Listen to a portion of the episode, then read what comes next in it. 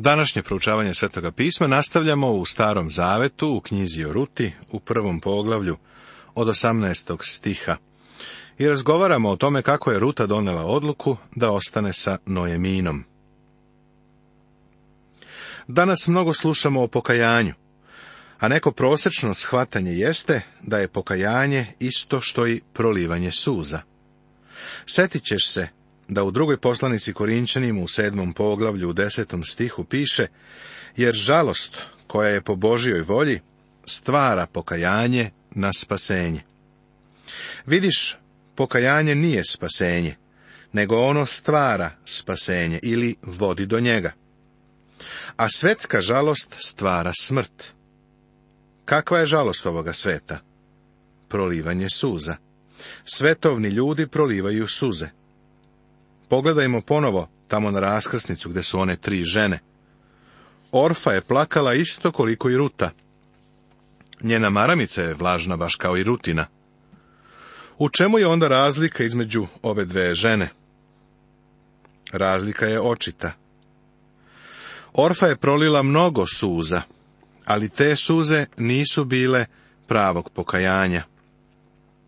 Šta je pravo pokajanje? Grčka reč koja je upotrebljena u drugoj poslanici Korinčanim u sedmom poglavlju u desetom stihu jeste metanoja. Ovo znači promjena uma. To znači da si išao u jednom pravcu, onda si se predomislio, okrenuo i krenuo u drugom pravcu. Mnogo ljudi dolazi u stanje ubeđenja. Oni imaju nameru da se menjaju, ili barem tako kažu, da proliju nekoliko suza, ali nastavljaju istim putem. Upravo to je i Orfa uradila. Sa rutom je prolivala suze, ali se nije okrenula i pošla ka Vitlejemu i stala na Božju stranu. Ne, vratila se idolo poklonstvu. Mnogi ljudi su slični njoj, samo prolivaju suze. Suze nisu pokajanje prijatelju, iako mogu biti njegova propratna pojava. Moj tata je pričao o parobrodu koji je plovio rekom Mississippi još u vreme kada sam bio dečak. Rekao je da je parobrod imao mali kotao i snažnu pištaljku. Kada je brod išao uzvodno, a pištaljka se oglašavala, brod bi počeo da se vraća nizvodno, jer nije imao dovoljno pare i za jedno i za drugo. Danas ima mnogo takvih ljudi. Imaju veliku pištaljku i mali kotao. Nikada ne dođu do spasavajućeg saznanja o Hristu. O, oni će nad svojim gresima proliti mnoge suze, duvaju u pištaljke, vrlo su emotivni, vole da daju svedočanstva puna emocija, ali njihov život nije u skladu sa njima. Poznajem dosta ljudi koji kada ustanu i počnu da daju svedočanstva, nataraju ljude u plač glas im podrhtava, ali ja njima uopšte ne bih verovao. Ne verujem da su na novorođeni samo su emotivni. Oni su kao orfa. U toku moje službe naučio sam da se manje nego pre pouzdajem u suze. Video sam da te sestre koje jecaju samo liju suze, ali ne donose stvarne odluke. Ponekad su nekome oči suve, ali se odlučuje za Hrista i to bude prava i iskrena odluka.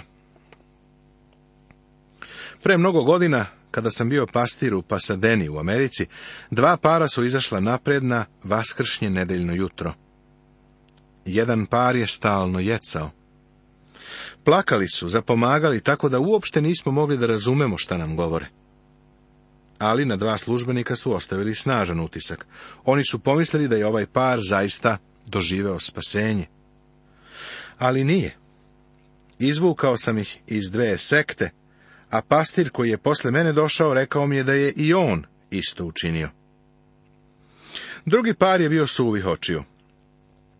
Pošto nisu lili suze, jedan od starešina me je pozvao na stranu i pitao, misliš li da su obraćeni? Pa to je bilo pre barem 25 godina, a ja i dalje viđam taj par. Oni i dalje stoje za gospoda. Da ti postavim lično pitanje, da li zaista donosiš odluku za Hrista ili samo prolivaš suze. Suze su same po sebi besmislene, a tuga ovoga sveta vodi u smrt prijatelju. Zato ni takvo pokajanje nije dobro. Pravo pokajanje ne znači samo pokajati se. Pravo pokajanje vodi u spasenje, a tada ćeš stvarno biti spasen, kao ruta. Ruta je donela stvarnu odluku za Boga. Ona kaže, prihvatam siromaštvo, prihvatam izgnanstvo, prihvatam i činjenicu da ću do kraja života ostati udovica. Bila je spremna da sve to prihvati, da bi stala uz Boga. Odlučuje da se sa Noeminom vrati u Vitlejem. Sada je Noemina, sunčica, upoznala Rutu. A ona kad vide da je tvrdo naumila ići s njom, prestaje odvraćati. Ona je znala da, kada je ova devojka donela odluku, onda je ta odluka prava, stabilna. Zato nije bilo potrebe da Ruti bilo šta kaže. I tako ih pratimo. Tako idoše obe dok ne dođoše u Vitlejem. A kad dođoše u Vitlejem, sav grad uzavre njih radi i govorahu, je li to Noemina? Sada su se vratile. Izgubljena porodica dolazi kući, ali to više nije porodica. U stvari, to je samo udovica sunčica, koja ne izgleda srećno i mala strankinja po imenu Ruta. Stanovnici toga grada pitaju, je li to Noemina? Je li to sunčica? A ona im govoraše, ne zovite me više Noemina, nego me zovite Mara, jer mi velike jade zadade mogući. Obilna sam otišna, a praznu me vrati gospod. Zašto me to Noemina, kad me gospod obori, a svemogući me ucveli? O matematici ne znam mnogo, ali znam ovo.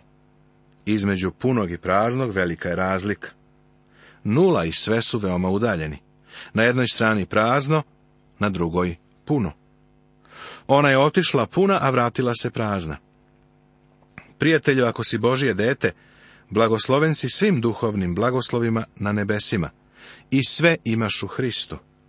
Kada odeš iz njegovog prisustva i izgubiš zajedništvo sa njim, nešto ćeš otkriti. Otkrićeš da patiš u dalekoj zemlji i da se kući vraćaš prazan, stvarno prazan. Ali hvala Bogu, kada takav dođeš kući baš kao izgubljeni sin, vidjet ćeš da te otac čeka i da te prima raširenih ruku. Blagoslovit će te onako kako te nikada ranije nije blagoslovio. Biće veoma dobar prema tebi. Ovo se desilo i izgubljenom sinu. Data mu je haljina, zaklano je tele za gozbu, sve za mladiće koji se vratio kući. Sada je Noemina rekla svojim prijateljima da je zovu Mara, sumorna. Ona kaže, obilna sam otišla, a praznu me vrati gospod. Zašto me zovete Noemina, kad me gospod obori i svemogući me ucveli? Možda bi pomislio da su joj promenili ime u sumorna, mračna, ali nisu. Čak i duh sveti ostavlja njeno staro ime. Tako dođe natrag Noemina, a ne Mara. Duh Boži kaže da će ona ponovo postati sunčica. Tako dođe natrag Noemine i s njom Ruta Moavka, snaha njezina, vrativši se iz zemlje Moavske, a dođoše u Vitlejem o početku ječmene žetve. Ovo je dobro vreme za dolazak u Vitlejem. Otišli su iz Moava, a u sljedećem poglavlju ćemo ući na vozova polja blizu Vitlejema. Poglavlje drugo. Tema. U vozovom polju. A beše jedan čovek, rod mužu na Emininu, čovek bogat od porodice Elimelehove, kojemu ime beše voz. Ovde se upoznajemo sa vozom, koji je zaista junak naše priče. On će pred nas izneti sliku osvetnika, rođaka izbavitelja ali o tome ćemo nešto kasnije. Vidi kako se on odmah nama predstavlja kao rođak njenog muža. To je važno zapaziti. Rod mužu Noemininu. Ne možemo preko ovoga preći, a da ne kažemo da je voz slika gospoda Isusa Hrista. I za nas se može reći da imamo rođaka sa velikim R, nekoga koji je učinjen da budemo kao, ali je ipak bio svet, bezazlen neokaljan, odvojen od grešnika. Kako kaže 26. stih 7. poglavlja poslanice Jevrejima. On je taj koji može da nas u potpunosti spase. Ime voz, da i to spomenem, znači snaga. On je bio silan i imućan čovek. Također sam čuo da se njegovo ime može prevesti i kao silni čovek rata. Možemo ga prevesti i kao silni čovek zakona. Sve ovo je važilo za voza. On jeste bio silni čovek rata, silni čovek bogatstva i silni čovek zakona. On je taj sa kojim se sada upoznajemo. Bio je iz Elimelehove porodice. I Ruta Moavka rečeno je Mini, da idem u polje, da pabirčim klasje, sa onim pred kim nađem milosti. A ona joj reče, idi kćeri moja. Ovde nalazimo jedan od tri vrlo neobična zakona. Ti zakoni su nam strani, jer naš današnji zakonski sistem sa tim nema veze. Pabirčenje klasja ili drugih proizvoda bio je sastavni deo Mojsijevog zakona – bio je to Boži način zbrinjavanja siromašnih, a Ruta i Noemina su veoma siromašne. Sama činjenica da Ruta kaže da želi da ide da pabirči, ukazuje na njeno siromaštvo. Sada želim da pogledamo ovaj neobični zakon. O njemu piše na nekoliko mesta. Na primjer, imamo ga u trećoj knjizi Mojsijevu i 19. poglavlju. A kad žanjete rod zemlje svoje, nemoj požnjeti sasvim njive svoje, niti pabirči po žetvi. Ni vinograda svoga nemoj pabirčiti i nemoj kupiti zrna koja padnu po vinogradu tvojem, nego ostavi siromahu i došljaku. Ja sam gospod i Bog vaš. Vidiš, Bog je svom narodu rekao da treba da brinu za siromašne i to na vrlo neobičan način. Bog ih nije stavio na socijalnu pomoć. On nije imao program protiv siromaštva, kojim bi se narodu samo dao novac. Mislim da je Bog sve ovo radio na vrlo osjetljiv način. Morali su da idu i da pabirče. Vidiš, zakon se usmerava i daje zemlju posjednicima. Ponovo u trećoj knjizi Mojsijevoj, 23. poglavlju, piše A kad stanete žeti u svojoj zemlji, Nemoj sasvim požeti njive svoje, ni pabirči požetvi, ostavi siromahu i došljaku, ja sam gospod Bog vaš. I zatim posljednja izjava o ovome nalazi se u petoj knjizi Mojsijevoj u 24. poglavlju.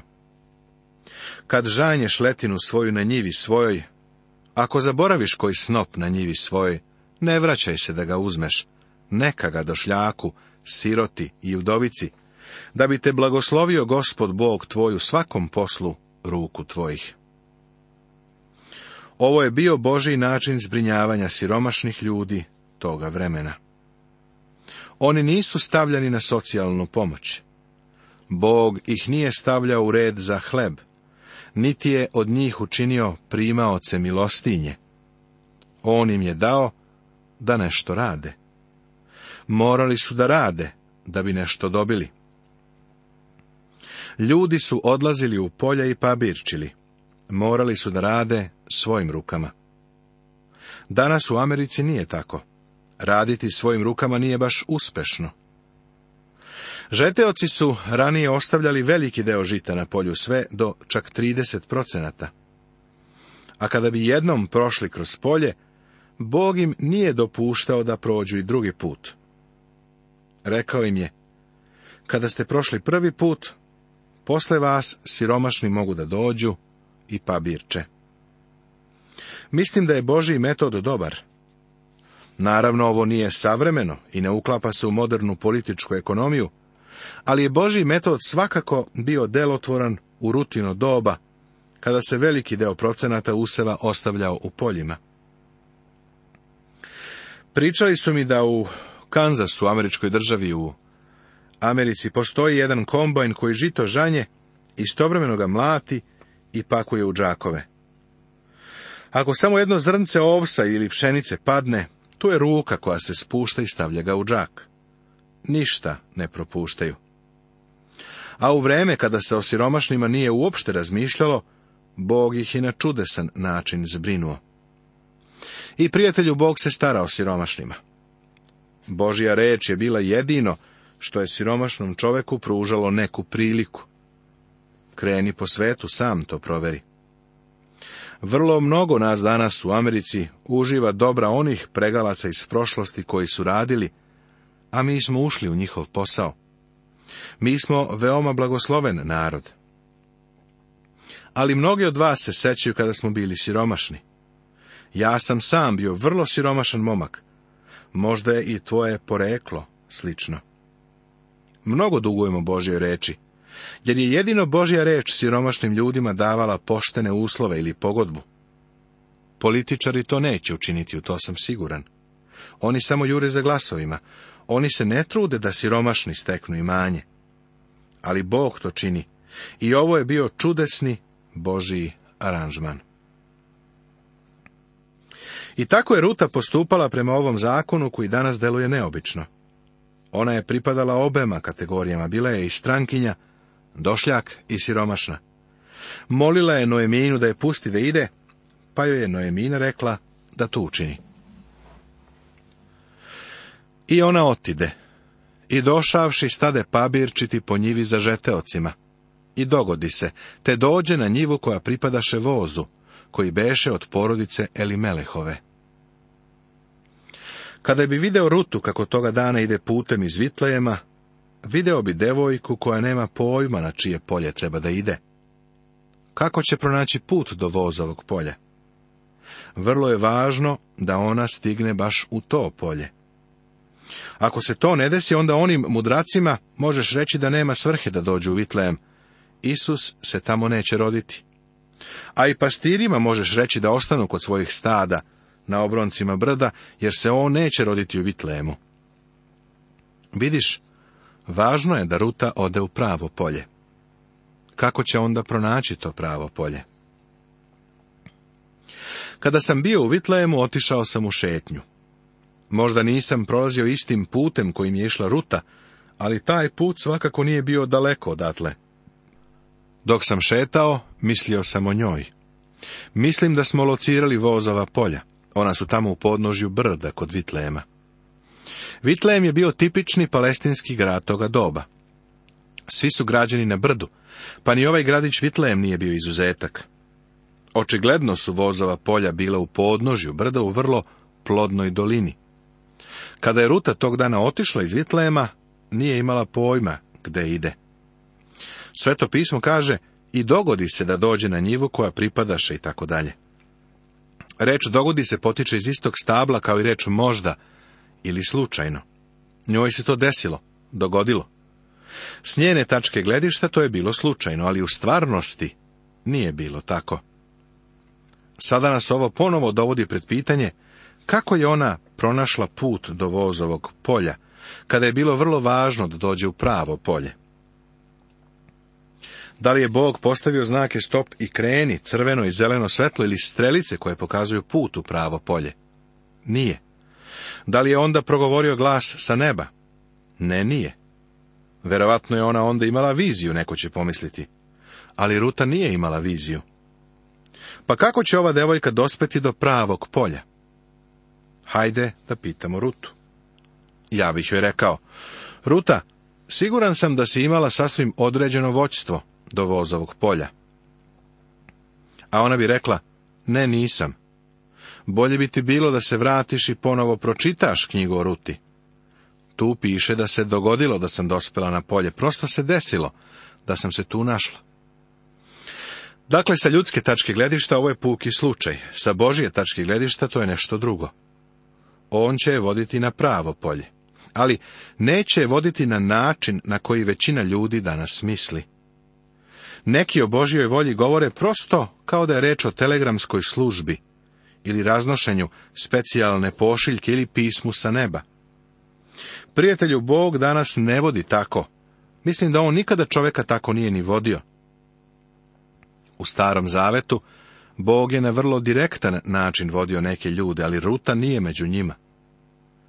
Čini mi se da je mnogo važnija rutina odluka od nekih drugih odluka koje su donošene. Bog je Joni rekao, ustani i idi u Nineviju, kako je zapisano u knjizi proroka Jone u prvom poglavlju. Jeremiji i Jezekilju je rekao da govore i viču. Želeo bih ovo da kažem. Ono što je rekao ovim ljudima da čine, nije ni izbliza važno kao ovo da Ruta ode u pravo polje, jer Isusovo rođenje u Vitlejemu zavisi od njenog odlaska u pravo polje. Bog je gospodario nad svim ovim i Bog je vodio sve iz pozadine. Nastavit će se.